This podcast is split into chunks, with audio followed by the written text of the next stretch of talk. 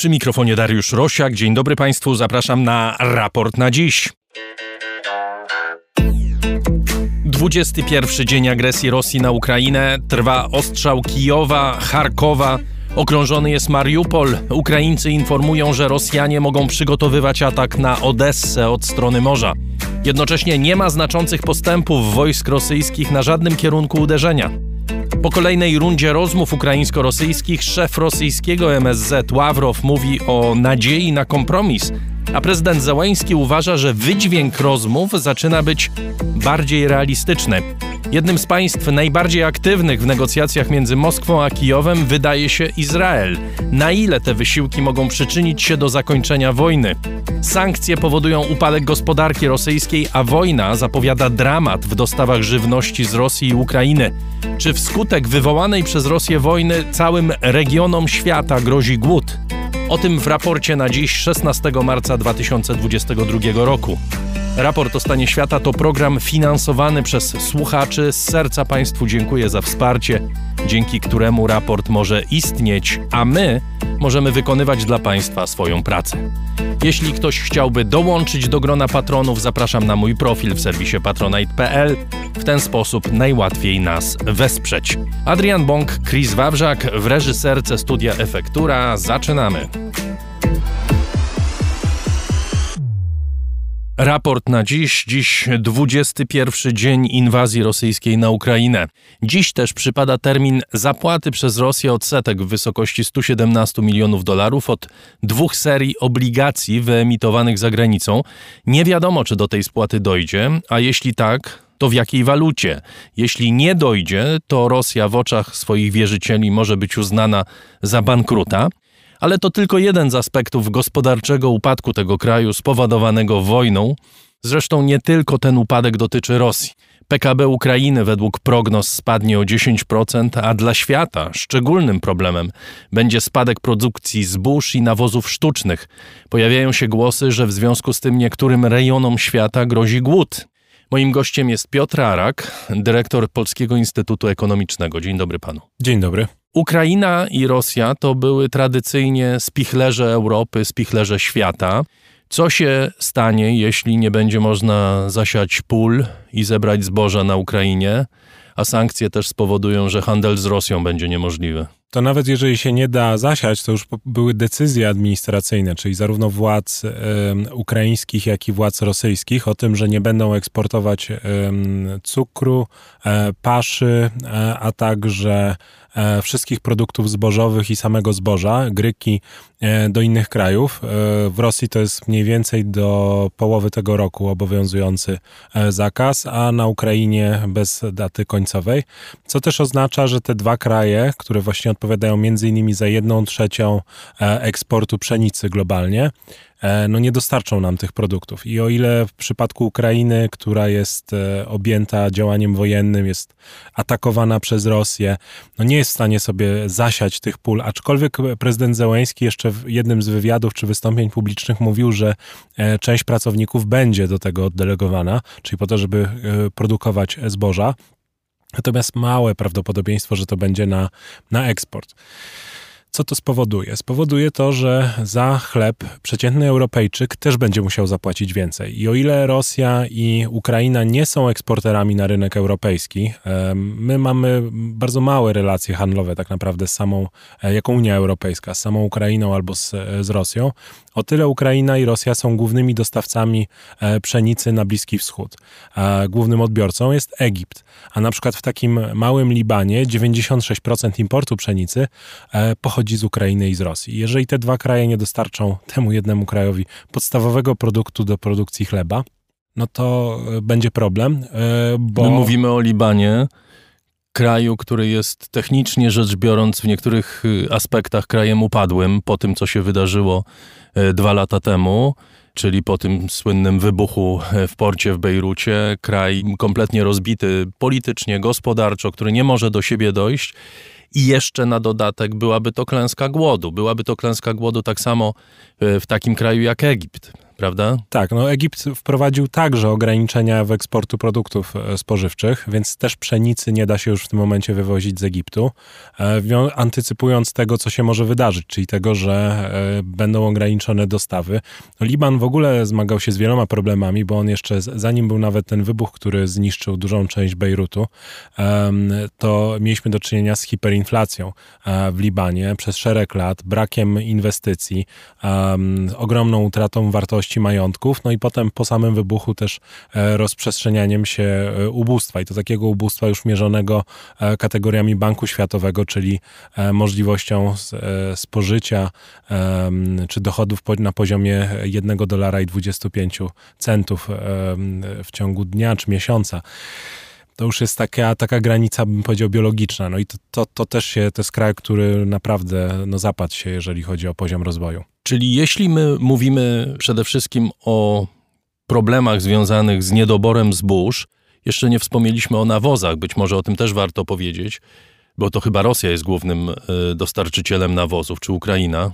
E, Rosja, Rosja. Rosja jest eksporterem nawozów na teren Unii Europejskiej i już też z, y, zapowiedziała i nie wiadomo jeszcze, bo nie, nie, mamy danych oczywiście za marzec, żeby zobaczyć, czy y, zrealizowała tą zapowiedź, to, że będą racjonowane te dostawy, to znaczy, że mają zmniejszyć poziom dostaw samych nawozów po pierwszych sankcjach ekonomicznych nałożonych przez Unię Europejską, więc też tego będziemy mieli najprawdopodobniej mniej dostępnego na, na terenie Unii Europejskiej. A co to oznacza? Mniej nawozów, mniejsze zbiory, e, wyższe ceny. Wyższe ceny. I to jest y, los Europy, los, który czeka Europę, a przypadek państw Bliskiego Wschodu i Afryki Północnej, no to jest coś znacznie gorszego, bo to jest po prostu niedobór żywności.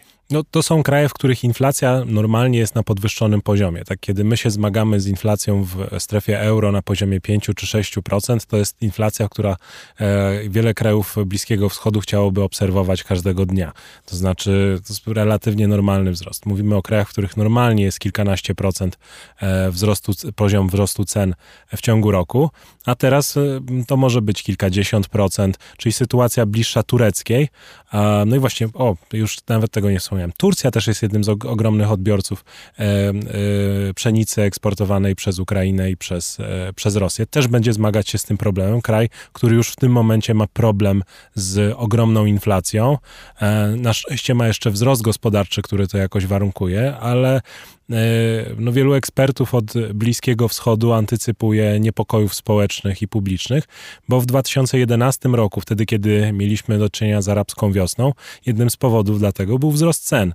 Po prostu mieliśmy okres e, e, półtora roku, dwóch lat, w których ceny wzrosły bardzo radykalnie na terenie Bliskiego Wschodu, a dzisiejszy kryzys żywnościowy, związany z tym, e, jak będą się kształtowały globalne e, ceny produktów spożywczych, jest bardzo podobny do połowy lat 70., czyli wtedy, kiedy e, indeks FAO, czyli Międzynarodowej Organizacji Rolniczej z, z siedzibą w Rzymie, no jedna z odnóg ONZ-owskich zajmujących się żywnością i bezpieczeństwem żywnościowym, mierzy to, co się dzieje z globalnymi cenami żywności, właśnie chcąc przeciwdziałać ubóstwu, ale przeciwdziałać też głodowi. No i mamy sytuację, w której bardzo podobny scenariusz jak z 1976 roku, kiedy e, zbyt dużo zboża zostało e, wyeksportowanego ze Stanów Zjednoczonych do Związku Radzieckiego, spowodowało taki szok e, na rynkach globalnych, bo się okazało, że mamy za mało zboża i nie jesteśmy w stanie obsiać nowych terenów. W zasadzie w rolnictwie zawsze mamy praktycznie maksymalną utylizację i wykorzystanie dostępnych areałów areałów. Mamy jeszcze problemy z poprzednich lat, kiedy były, mieliśmy susze, zwłaszcza w Unii Europejskiej, które spowodowały, że zbiory były gorsze. E, no i na tej bazie, jeszcze z mniejszą ilością e, nawozów, mamy wyprodukować więcej e, dla całego globalnego rynku. No i mamy globalny pewnie kryzys. No dobrze, czy jest tak beznadziejnie, że nie da się z tym nic zrobić? Czy są metody przeciwdziałania temu? No, Stany Zjednoczone produkują zboża. Inne kraje, nie wiem, Ameryka Łacińska, Ameryka Południowa również produkuje zboża. Czy są jakieś rynki, gdzie my możemy y, te niedobory jakoś uzupełnić? Mm, moim zdaniem najważniejsze będzie jednak e, negocjowanie tego, żeby Ukraina eksportowała część e, swoich e, zbóż w pewnie po jakimś zawieszeniu broni, jeżeli oczywiście ono będzie miało miejsce i podobnie Rosja. To znaczy my tych produktów nie będziemy chcieli objąć sankcjami, bo to nie jest problem może dla Unii Europejskiej, bo my jakoś to przeżyjemy. Będziemy mieli wyższą inflację, e, będzie to jakiś problem dla społeczeństw zachodnich, będzie to problem dla e, Europy Środkowej. Zapłacimy koszt droższego chleba, tak, jako każdy obywatel. Natomiast sytuacja właśnie na Bliskim Wschodzie może być na tyle dramatyczna, że może doprowadzić do niestabilności władz politycznych, e, które tam są wybrane albo sprawują urząd, ponieważ go kiedyś sobie wzięły do rządze i wybrały E, siebie do tego, żeby ten urząd e, sprawować. I to może doprowadzić do ogromnych niepokojów w regionie, gdzie już zakładaliśmy przynajmniej, tak jako e, świat inwestorski, może tak bardziej, że na razie z grubsza wszystkie sprawy są poukładane i przez przynajmniej kolejne kilkanaście lat będzie jakiś spokój na Bliskim Wschodzie i nie będzie dodatkowych niepokojów zaburzających międzynarodowy ład. A po sankcjach na Rosję, odpływie inwestorów zagranicznych, no przydałyby się jakieś takie elementy spokoju, spokoju e, dodatkowego, więc też moim zdaniem będzie duża presja na to, żeby jednak Rosja sprzedawała e, swoje zboże. E, A inne rynki nie wchodzą w grę? Jedyny rynek, który ma, jest największym rynkiem produkcyjnym, jest oczywiście nim Ameryka i Stany Zjednoczone. Tylko Amerykanie, jako największy producent, już wykorzystują swoje moce produkcyjne. My musielibyśmy ten proces przygotowawczy rozpocząć kilka lat temu, żeby na rynku rolnym już dzisiaj mieć e, po prostu zwiększone dostawy i zwiększoną podaż e, e, tych produktów czy, i tych, tych zbóż, których potrzebujemy. Więc to jest trochę nie do uniknięcia konsekwencja tego konfliktu zbrojnego, która będzie wymuszała na świecie zachodnim albo przede wszystkim na Bliskim Wschodzie naciski, żeby utrzymywać jak, jakkolwiek normalne relacje, przynajmniej w tym aspekcie z Rosją. Czy Rosja jest już bankrutem, technicznie rzecz biorąc? To się okaże za 30 dni, bo e, minęło, minął pierwszy termin spłaty obligacji, które były wyemitowane jakiś czas temu przez, przez rosyjski rząd. Jest takie 30 dni e, moratorium, w którym e, jeszcze istnieje możliwość spłacenia zobowiązania finansowego przez dany kraj. Rosja wcześniej już zapowiedziała, czy też władze finansowe z, z Ministerstwa Finansów, że będą chcieli spłacać zobowiązania, łamiąc kontrakty kontrakty zawarte z inwestorami zagranicznymi w rublach, a nie w dolarach albo w euro, w których e, miały być te, te, te zobowiązania uiszczone co będzie stanowiło dosyć duży problem, bo e, ci inwestorzy, jeżeli po tych 30 dniach nie zobaczą na swoich kontach odpowiedniej sumy euro albo dolarów, no, będą zabierać Rosję do sądu arbitrażowego. E, po wyroku będą przejmować aktywa, które są na Zachodzie, należące do firm rosyjskich i mają praktycznie sprawę wygraną e, jak w banku, ponieważ no, swoje długi trzeba płaci, spłacać.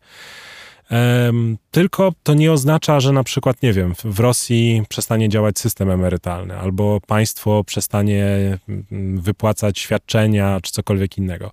E, bankructwo technicznie oznacza to, że e, państwo traci możliwość pożyczania pieniędzy na rynku międzynarodowym, bo jest niewiarygodnym partnerem.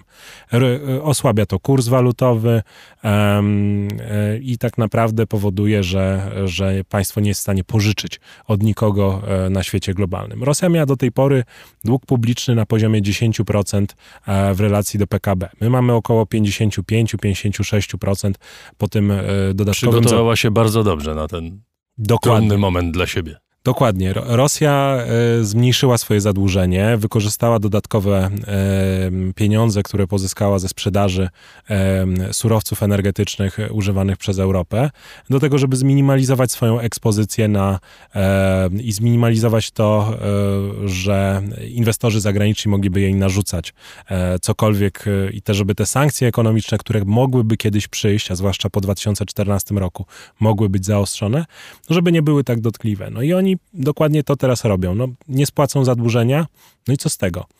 E, Argentyna dziewięć razy bodajże nie spłacała swojego zadłużenia. Oczywiście skończyło się to hiperinflacją, e, upadkiem waluty, tym, że e, przeciętni obywatele swoje oszczędności zaczęli trzymać w kryptowalutach. Ogromne problemy społeczne. Myślę, że to nie będzie aż tak duży problem dla, dla samych władców Kremla. A dlaczego samego... nie? Dlatego, że zawsze będą mogli pożyczyć u Chińczyków? E, bo zawsze mogą pożyczyć wewnętrznie. E, pamiętajmy o tym, że na tak długo do momentu, w którym mają kontrolę nad własną polityką monetarną i mogą e, wewnętrznie zaciągać zadłużenie, czyli na przykład dodrukowywać pieniądze, no tak długo są w stanie funkcjonować. No tylko to jest taka gospodarka jak Związku Radzieckiego. To znaczy, że no nie jest w stanie pozyskać kredytowania zewnętrznego, nie jest w stanie kupić technologii, no i nie jest wiarygodnym partnerem biznesowym. Czyli przejada pozyska... to, co ma przy tak. pomocy jakichś technicznych sztuczek.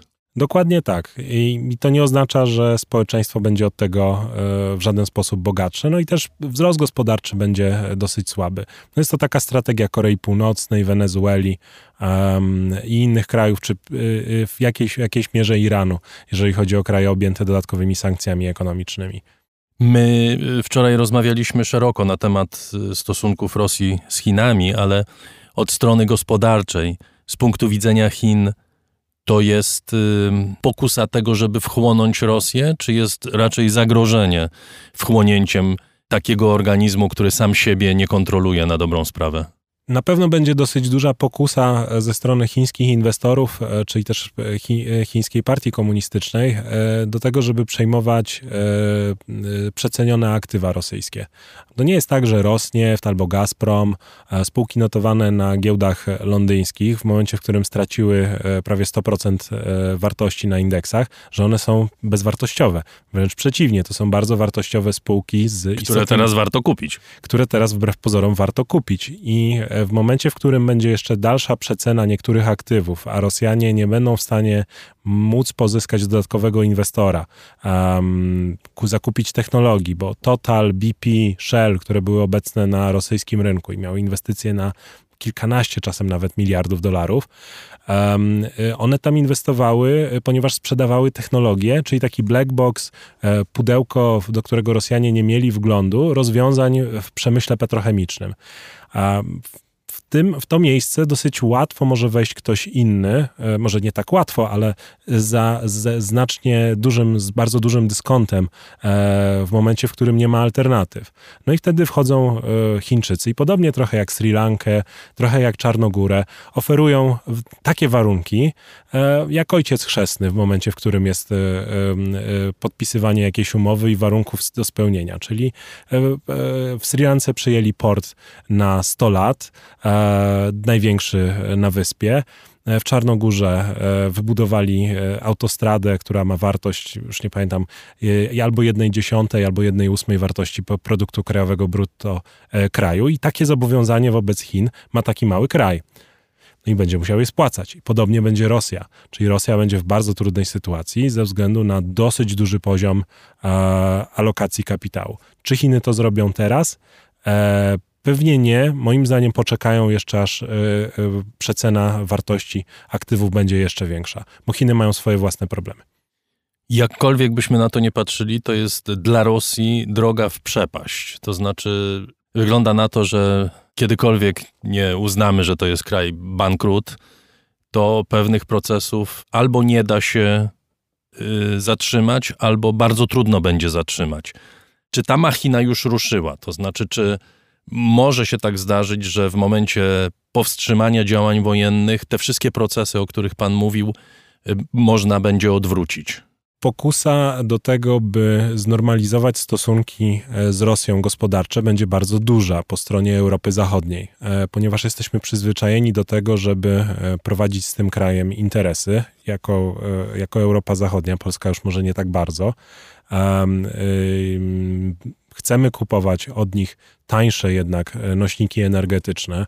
E, paliwo, czyli ropa uralska spadła na wartości w ogromny sposób i dosyć naturalne będzie to, że takich Gerhardów Schroederów, e, którzy w przeszłości podejmowali decyzje korzystne z perspektywy Rosji, ale też gospodarczo z perspektywy niemieckiej albo francuskiej, będzie więcej w, w najbliższej przyszłości. To nie jest tak, że Europa Zachodnia o, w tym momencie uznała, że mamy do czynienia ze zbrodniarzem, już nigdy w życiu z nim nie będzie będziemy no, robić. Kiedy czytamy wypowiedzi polityków, to tak to wygląda. To znaczy, Obecnie. nikt nie mówi, że wrócimy do business as usual.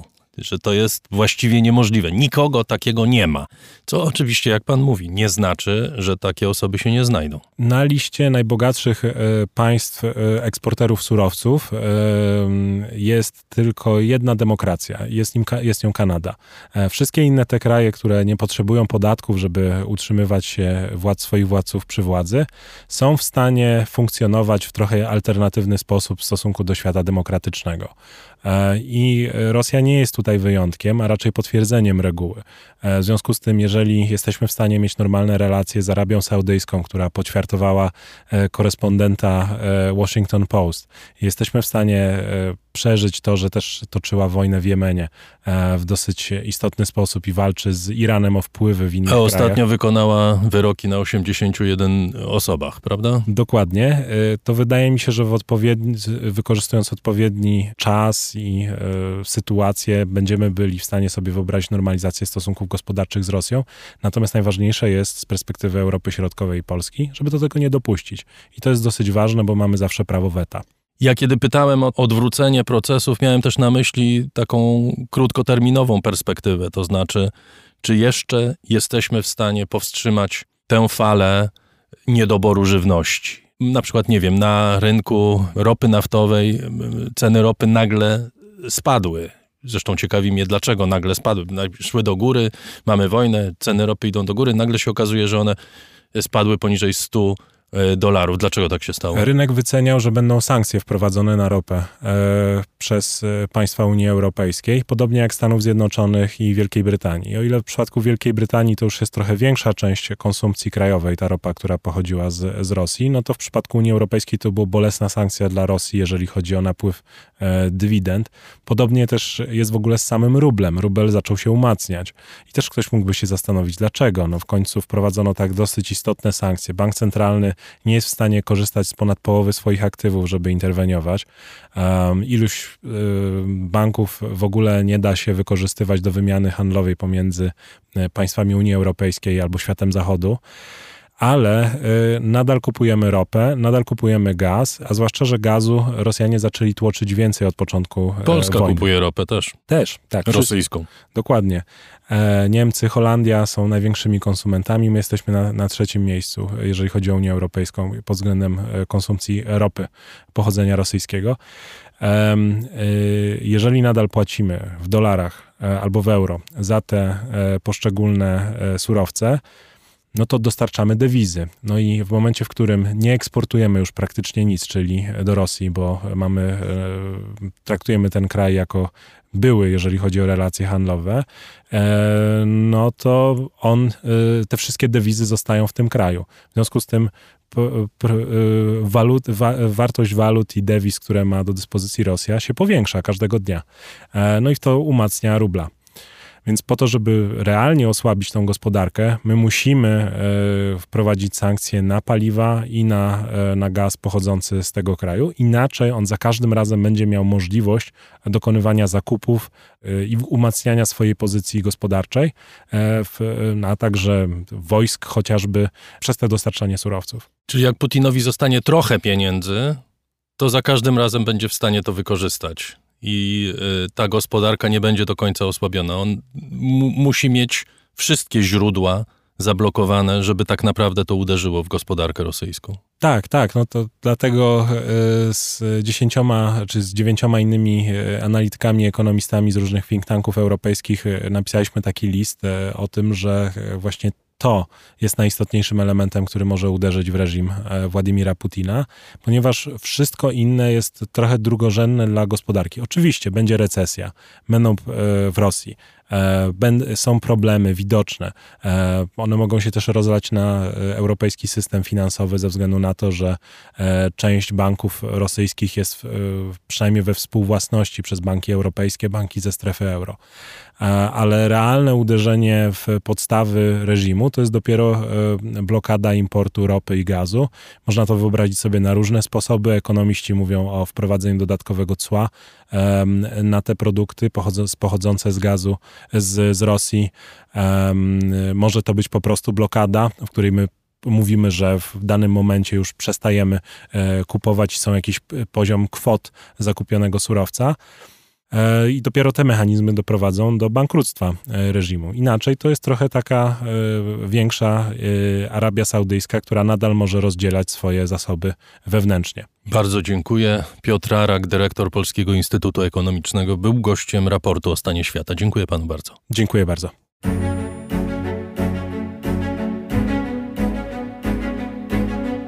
Nie ma usprawiedliwienia dla naruszania integralności terytorialnej Ukrainy ani dla ataków na ludność cywilną, powiedział w Bratysławie minister spraw zagranicznych Izraela Jair Lapid. I to jest chyba najbardziej jednoznaczna jak dotąd wypowiedź oficjalna przedstawiciela tego kraju wobec wojny w Ukrainie. Izrael ustawił się w roli mediatora. Premier Naftali Bennett rozmawia zarówno z prezydentem Załęskim, jak i z Putinem. Izraelczycy aktywnie uczestniczą również w ewakuacji Ukraińców żydowskiego pochodzenia do Izraela. W studio Jarosław Kociszewski, były wieloletni korespondent w Izraelu, dziś y, z agencji podcastowej Free Range Productions, portalu Nowa Europa Wschodnia i Fundacji StratPoints. Witam cię, dzień dobry. Dzień dobry. Dlaczego Izrael nie chce jednoznacznie potępić Rosji? Izrael ma całą masę interesów również z Rosją. Izrael e, musi chronić zgodnie z definicją tego państwa ludność żydowską wszędzie, a poza tym Na Ukrainie Izrael... też jest y, ludność żydowska i, i, i w Rosji i jest robi. ludność żydowska wszędzie. Tak, Izrael to robi, ale poza tym Izrael właśnie udowadnia, że jest krajem bliskowschodnim, który kompletnie nie rozumie tego, co się dzieje. W związku z tym e, po trzech tygodniach od wybuchu wojny i całej serii dosyć kompromitujących sytuacji, Izraelczycy wreszcie stwierdzili, że jednak jest do czynienia, mamy do czynienia z wojną i, i z agresją, i nawet ambasador izraelski w Stanach Zjednoczonych powiedział, że Izrael wybrał strony.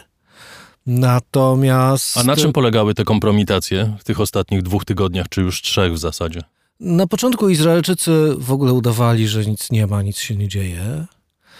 Potem Naftali Bennett wpadł na pomysł, że uratuje świat przed samym sobą, czyli przed resztą świata i wynegocjuje pokój między e, Rosjanami a Ukraińcami, postawi się w roli mediatora, co fantastycznie wpisuje się w ego tego człowieka, któremu naprawdę bardzo się wydaje poważnie, że fakt, że dorobił się setek milionów dolarów, rozwijając startup technologiczny, e, powoduje, że jest królem wszechświata. To charakterologicznie jest po prostu taki gość. Mm, bardzo arogancki, bardzo niesympatyczny. Kiedyś byłem na spotkaniu z nim. E, po spotkaniu e, z ówczesnym wiceszefem Parlamentu Europejskiego i Bennett nie zadał sobie nawet trudu e, zapamiętania nazwiska człowieka, europejskiego dyplomaty, z którym rozmawiał. No ale e, powiedzmy, I... że nobody's perfect. Jakby nie, no tak, nie, nie, nie tutaj... za to go lubimy albo nie lubimy, że jest miły albo niemiły. E, on jest niemiły, natomiast i, i ale tutaj to ego ma znaczenie, bo jemu się wydawało, że rzeczywiście wynegocjuje, bo pojedzie rozmawiać e, z Putinem, bo rzeczywiście Izraelczycy mają wszelkie możliwe kanały komunikacyjne i, i teoretycznie, przynajmniej nie wiążąc się w konflikt, mogliby tutaj coś wynegocjować. Natomiast bardzo szybko okazało się, e, że po tych rozmowach, no to jednak Władimir Putin e, ustawił Beneta do konta. E, Benet jako sukces ogłosił otwarcie kanału, e, korytarzy ewakuacyjnych z Charkowa do Rosji, co było absolutnie nie do pomyślenia dla nikogo i zresztą Taki komunikat przekazały izraelskie media. Jak ja to zobaczyłem, też mi trudno było uwierzyć. W związku z tym natychmiast skontaktowałem się z dziennikarką izraelską, która to w telewizji publicznej e, puściła. I ona absolutnie potwierdziła, tak, tak, że tutaj nasz premier wynegocjował otwarcie ewakuację z Charkowa na wschód. E, potem poleciał e, do mm, Berlina. Co, również z tego nic nie wynikło i dalej z tego nic nie wynikało poza rosnącą krytyką i w pewnym momencie nawet bardzo, bardzo ostrą krytyką ze strony Ukraińców. Bo co prawda, prezydent Zełański, zachowując tutaj normy dyplomatyczne, podtrzymywał, że rozmawia, że spotkają się na negocjacjach w Jerozolimie i tak dalej, i tak dalej, ale już jego ambasador w Jerozolimie stwierdził, że prezydent Zełenski kompletnie nie rozumie stanowiska Izraela, a minister obrony Ukrainy stwierdził, że to stanowisko szkodzi na dekadę relacjom izraelsko-ukraińskim. Mieliśmy też taką no, chyba istotną, zdementowaną przez Izrael deklarację, że Bennett ponoć namawiał Zełenskiego do ustępstw, prawda? Natychmiast do kapitulacji, się, nie do ustępstw. Y, natychmiast się z tego Izrael wycofał i mówił, że nigdy czegoś takiego nie było. Takie słowa nie padły. Nie potwierdzimy, nie zaprzeczymy. W związku z tym nie wiemy. To znaczy mamy tylko dementi, ale oczywiście stare dyplomatyczne powiedzenie mówi, że nie uwierzę słowa, dopóki No są nie tacy, którzy dementi. wierzą wyłącznie w zdementowane informacje, zwłaszcza przez ale, polityków. Ale no nie mamy tutaj twardych dowodów. Faktem jest, że Izrael po fali krytyki bardzo, bardzo ostrej e, zaczął zmieniać swoje stanowisko. To była krytyka również w Izraelu? To była również krytyka e, w Izraelu. Izraelska e, i prasa w pewnym momencie zaczęła bić na alarm, że chwilę, coś jest nie tak, a już szczytem e, był gest solidarności ze strony miasta Jerozolima, gdzie na murach miejskich wyświetlono flagi Rosji i Ukrainy obok siebie, nawołując do pokoju po kilku godzinach, awantura była taka, że po kilku godzinach to zdjęto, bo to już przekraczało wszelkie granice. E, I to pokazuje, bo to nie jest kwestia złej woli Izraelczyków. Oni naprawdę nie rozumieją. Jak dotąd rosyjskim oligarchom z których część ma obywatelstwo Izraela, tam się krzywda nie dzieje. My nie słyszymy o konfiskowaniu jachtów, tak jak na przykład słychać we Włoszech czy tam we Francji. Nie ma konfiskowania ich posiadłości. Y, Izraelczycy jak chcą, to konfiskują posiadłości, jak chcą, to burzą domy na przykład, prawda, Palestyńczykom. Natomiast tutaj nie ma mowy o tym, żeby była jakakolwiek operacja przeciwko y, oligarchom. To by potwierdzało, że to, co mówisz, to jest w gruncie rzeczy taki taniec y, dyplomatyczny.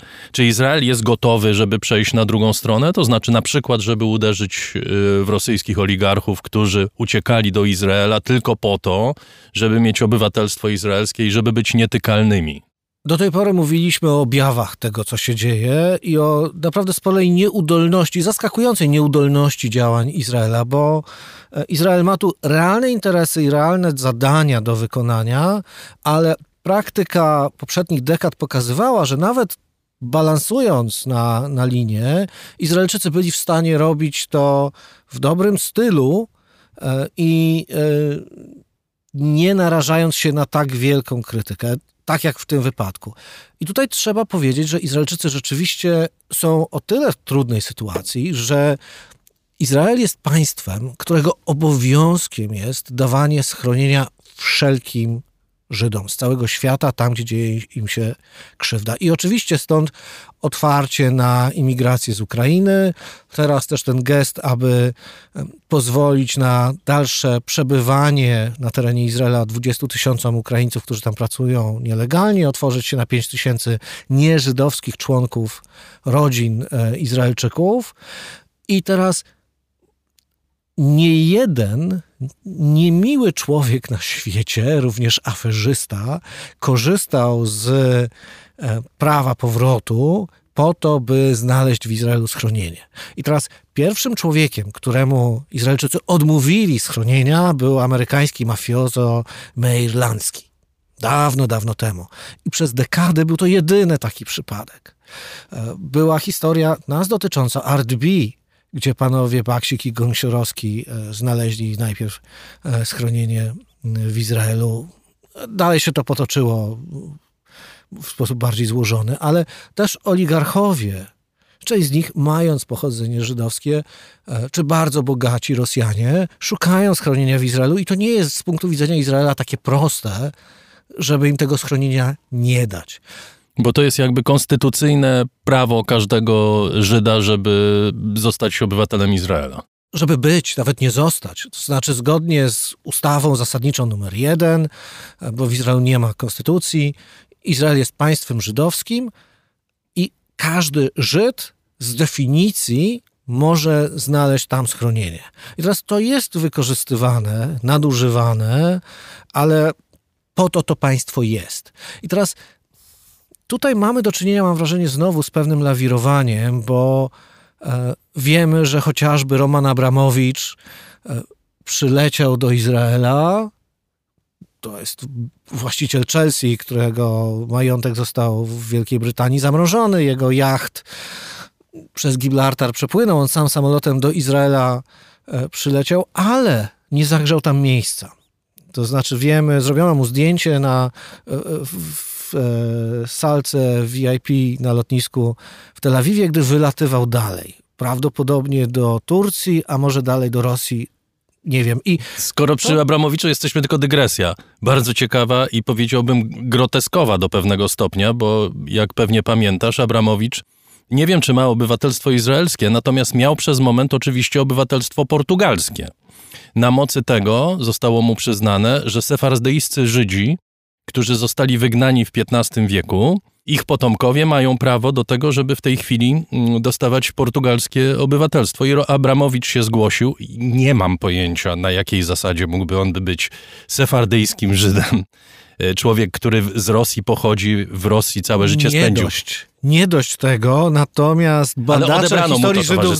Tak, odebrano mu to ale, ale badacze historii Żydów sefaradyjskich podkreślają, że nazwisko Abramowicz wskazuje na pochodzenie aszkenazyjskie, nie sefaradyjskie, w związku z tym tam nie ma cienia wątpliwości, że to było przegięte i stąd zresztą władze e, portugalskie dobrały się do skóry rabinowi, który mu odpowiednie certyfikaty wystawił.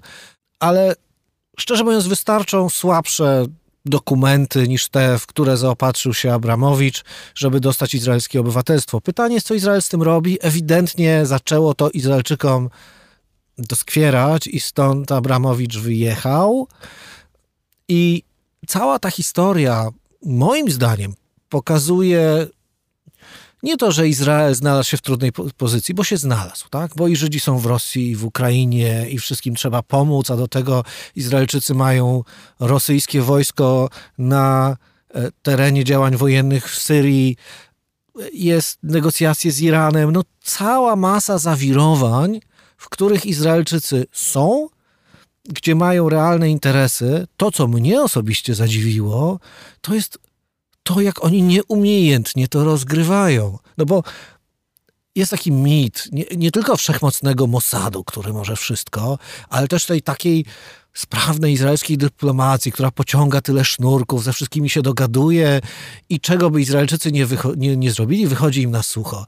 A tym razem nie ma głosów jeżeli wsłuchamy się w głosy na świecie, które mówiłyby o tym, że Izraelczycy robią co należy, albo przynajmniej robią to jak należy. To może znajdziemy przynajmniej jeden element, który robią dobrze, y, prawidłowo. Na granicy polsko-ukraińskiej jest agencja żydowska, przedstawiciele agencji żydowskiej. Ja rozumiem, że ta ewakuacja ukraińskich Żydów przebiega sprawnie. Czy też Przebiega nie? sprawnie, też przez Słowację. Tam Izraelczycy też e, szpital polowy umieścili ona przebiega jednak na dużo mniejszą skalę niż Izraelczycy się spodziewali, bo e, spodziewali znaczy my się... wiemy, ilu Żydów mniej więcej chce wyjechać, albo przynajmniej ilu mniej więcej mieszkało w Ukrainie? Tutaj są bardzo, bardzo różne szacunki. To znaczy Izraelczycy szacowali, że mogło być tam około 70 tysięcy Żydów. Były szacunki, że 200 tysięcy osób może e, zgłosić się po izraelskie obywatelstwo. Natomiast ja rozmawiałem parę miesięcy temu z e, rabinem w e, Iwano-Frankiwsku, dawnym Stanisławowie, i on mówił, że w zasadzie wszyscy ci, którzy już wyjechali, a jeszcze było spokojnie, to już wyjechali. To znaczy, ci, co on, mieli wyjechać, to wyjechali. Tak, bo Oczywiście Holokaust zniszczył społeczność żydowską e, w Ukrainie, natomiast ogromny procent tych, którzy przetrwali Holokaust, przeżyli komunizm, w latach 90. wyjechało. W związku z tym zostali w Ukrainie ci, którzy chcieli zostać, zostali przecież ci, którzy z bronią w ręku walczą o wolność Ukrainy. O tych nie zapominajmy. E, mamy też przypadki, chłopaków, którzy odsłużyli swoje w izraelskiej armii i wrócili bronić Ukrainy, bo no są uważają, też, nie wiem, jest... czy to są mityczne historie, czy raczej y, prawdziwe, że pojawiają się po prostu żołnierze izraelscy, byli żołnierze izraelscy, którzy y, walczą po stronie Ukraińców. O nich mówię właśnie. O nich, o nich właśnie mówię i widziałem rozmowy z dwoma takimi chłopakami. którzy jasno mówią, że odsłużyli swoje w siłach specjalnych izraelskich, a teraz wrócili przynajmniej jeden z nich do Odessy, ponieważ z tego miasta pochodzi i on po prostu chce swoich umiejętności użyć po to, żeby bronić swojej pierwszej ojczyzny. W związku z tym tu tych zawirowań jest bardzo dużo, natomiast niewątpliwie Izraelczycy sądzili, że znacznie więcej ludzi będzie chciało wyjechać. Na razie nie ma dokładnych liczb, ale to są pojedyncze tysiące. Ale to oczywiście może się zmienić, bo jeżeli się okaże, że Odessa będzie zagrożona na przykład. Albo no, że... okazuje się, jest zagrożona, bo widzimy, że się zbliża flota rosyjska do Odessy dzisiaj. Ale może jeszcze nie być oblegana. E, może się okazać, że wielkie miasta ukraińskie zaczną jednak padać. E, w związku z tym to też jest dla nas oczywiście, e, to też musimy mieć na uwadze, że tych uchodźców może być znacznie więcej, ale jeżeli do tego dojdzie, to również liczba żydowskich uchodźców może być e, znacznie, znacznie większa. E, Ty wspomniałeś, czy Izrael przyjmuje innych Ukraińców, czy tylko żydowskich? Izrael po pierwsze zalegalizował pobyt 20 tysięcy Ukraińców bez żydowskiego pochodzenia, którzy są na terytorium Izraela, żeby ich nie deportować. No wyobraźmy sobie w tej chwili deportację no ludzi no tak. do Kijowa. Znaczy nawet, nawet to szaleństwo gdzieś ma ewidentnie granice. Poza tym Izraelczycy zgodzili się przyjąć 5 tysięcy uchodźców nieżydowskich. nieżydowskich, co już jest bardzo ciekawym gestem, bo Izraelczycy zazwyczaj tego nie robią. Więc tu ewidentnie presja zewnętrzna zaczęła działać. Jeszcze może przy tej okazji o sprawach polsko-żydowskich porozmawiajmy, bo przy okazji wojny udało się obsadzić stanowisko ambasadora Izraela e, w Polsce. Czy to jest moment na odprężenie w tych relacjach? Czy ambasador Izraela wrócił do Warszawy dlatego, że poprawiły się relacje polsko-izraelskie, czy dlatego, że trzeba nadzorować to, co dzieje się na granicy polsko-ukraińskiej? Ja obawiam się, że to drugie. W związku z tym. E, no, ale wiele rzeczy, dzieje się, wiele rzeczy dzieje się w związku z tym, że wojna wybuchła. Odprężenie e, w relacjach polskiej partii rządzącej z Unią Europejską też jest wynikiem tego, prawda? No więc jeżeli będziemy w stanie wykorzystać to i rzeczywiście naprawić te relacje, poprawić te relacje fantastycznie, bo wszyscy ich potrzebują i te kłótnie nie są nikomu potrzebne. A czy coś się dzieje w tej dziedzinie? Wiadomo ci? niczego nie widziałem. Ja obawiam się, że to, jest w tej, to nie jest to właściwy jest moment. To znaczy, to jest taki moment, kiedy jednak wszyscy zajmują się granicą polsko-ukraińską i, i rozwiązywaniem tego szalenie palącego kryzysu. Natomiast jeżeli ambasador zostanie, to może w międzyczasie ambasador polski znajdzie się e, w Tel Awiwie i może te relacje uda się impas przełamać. Byłoby dobrze, Natomiast oczywiście problemy w tej chwili wszyscy mają znacznie, znacznie większe. Bardzo dziękuję. Jarosław Kociszewski, były korespondent polskich mediów w Izraelu, zwłaszcza Polskiego Radia, a dziś agencja podcastowa Free Range Productions, portal Nowa Europa Wschodnia i fundacja StratPoints. Dziękuję Ci bardzo. Dziękuję bardzo. To prawie wszystko w tym wydaniu raportu na dziś. Zapraszam Państwa jutro na kolejne wydanie wojennego raportu o stanie świata. Jeśli ktoś z Państwa chce odetchnąć, posłuchać literatury i pisarzy ukraińskich, przypominam, że marcowy raport o książkach poświęcony jest właśnie literaturze ukraińskiej. Audycja dostępna na naszej stronie i na platformach podcastowych. Zapraszam w imieniu Agaty Kasprolewicz. Dziękuję Państwu za wszystkie wpłaty na rzecz raportu, a przede wszystkim za to, że jesteście z nami i nas słuchacie.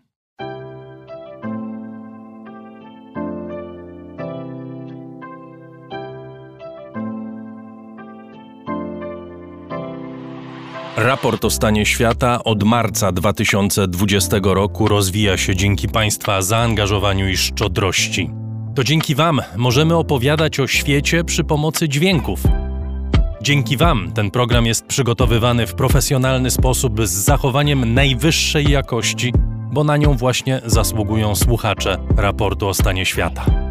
Z serca dziękuję wszystkim Państwu za wpłaty. Wasza hojność jest dla mnie ogromnym zobowiązaniem. Zbiórka na patronite.pl ciągle trwa, zachęcam do udziału.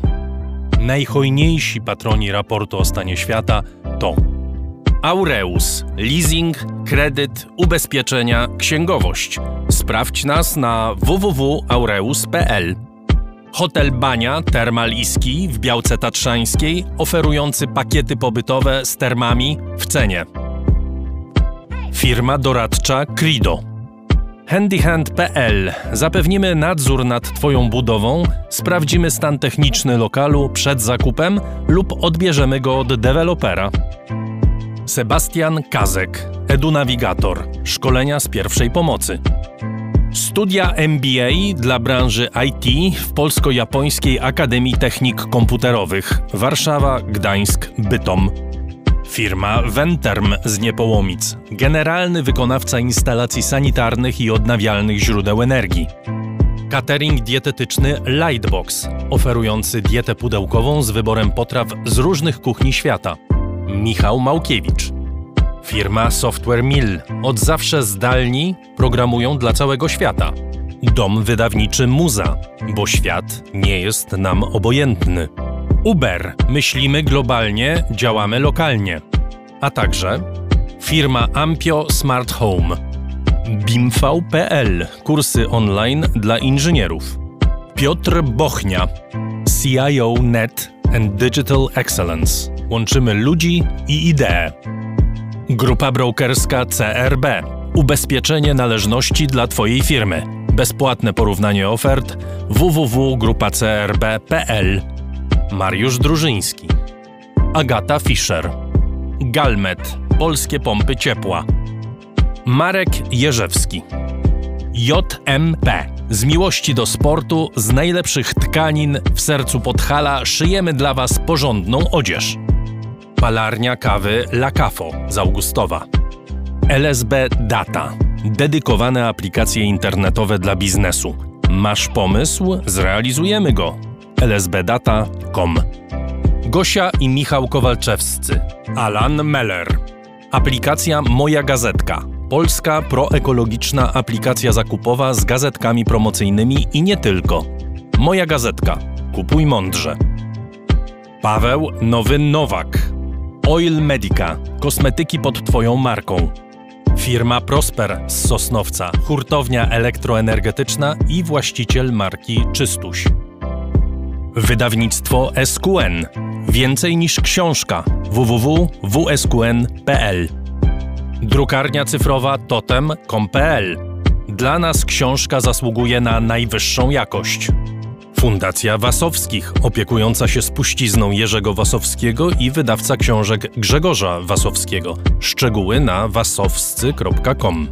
Wayman oprogramowanie wspomagające firmy inżynieryjne w zarządzaniu projektami, stworzone przez polskich inżynierów dla sektora projektowego. www.wayman Software. Dziękuję bardzo. To dzięki Państwu mamy raport o stanie świata.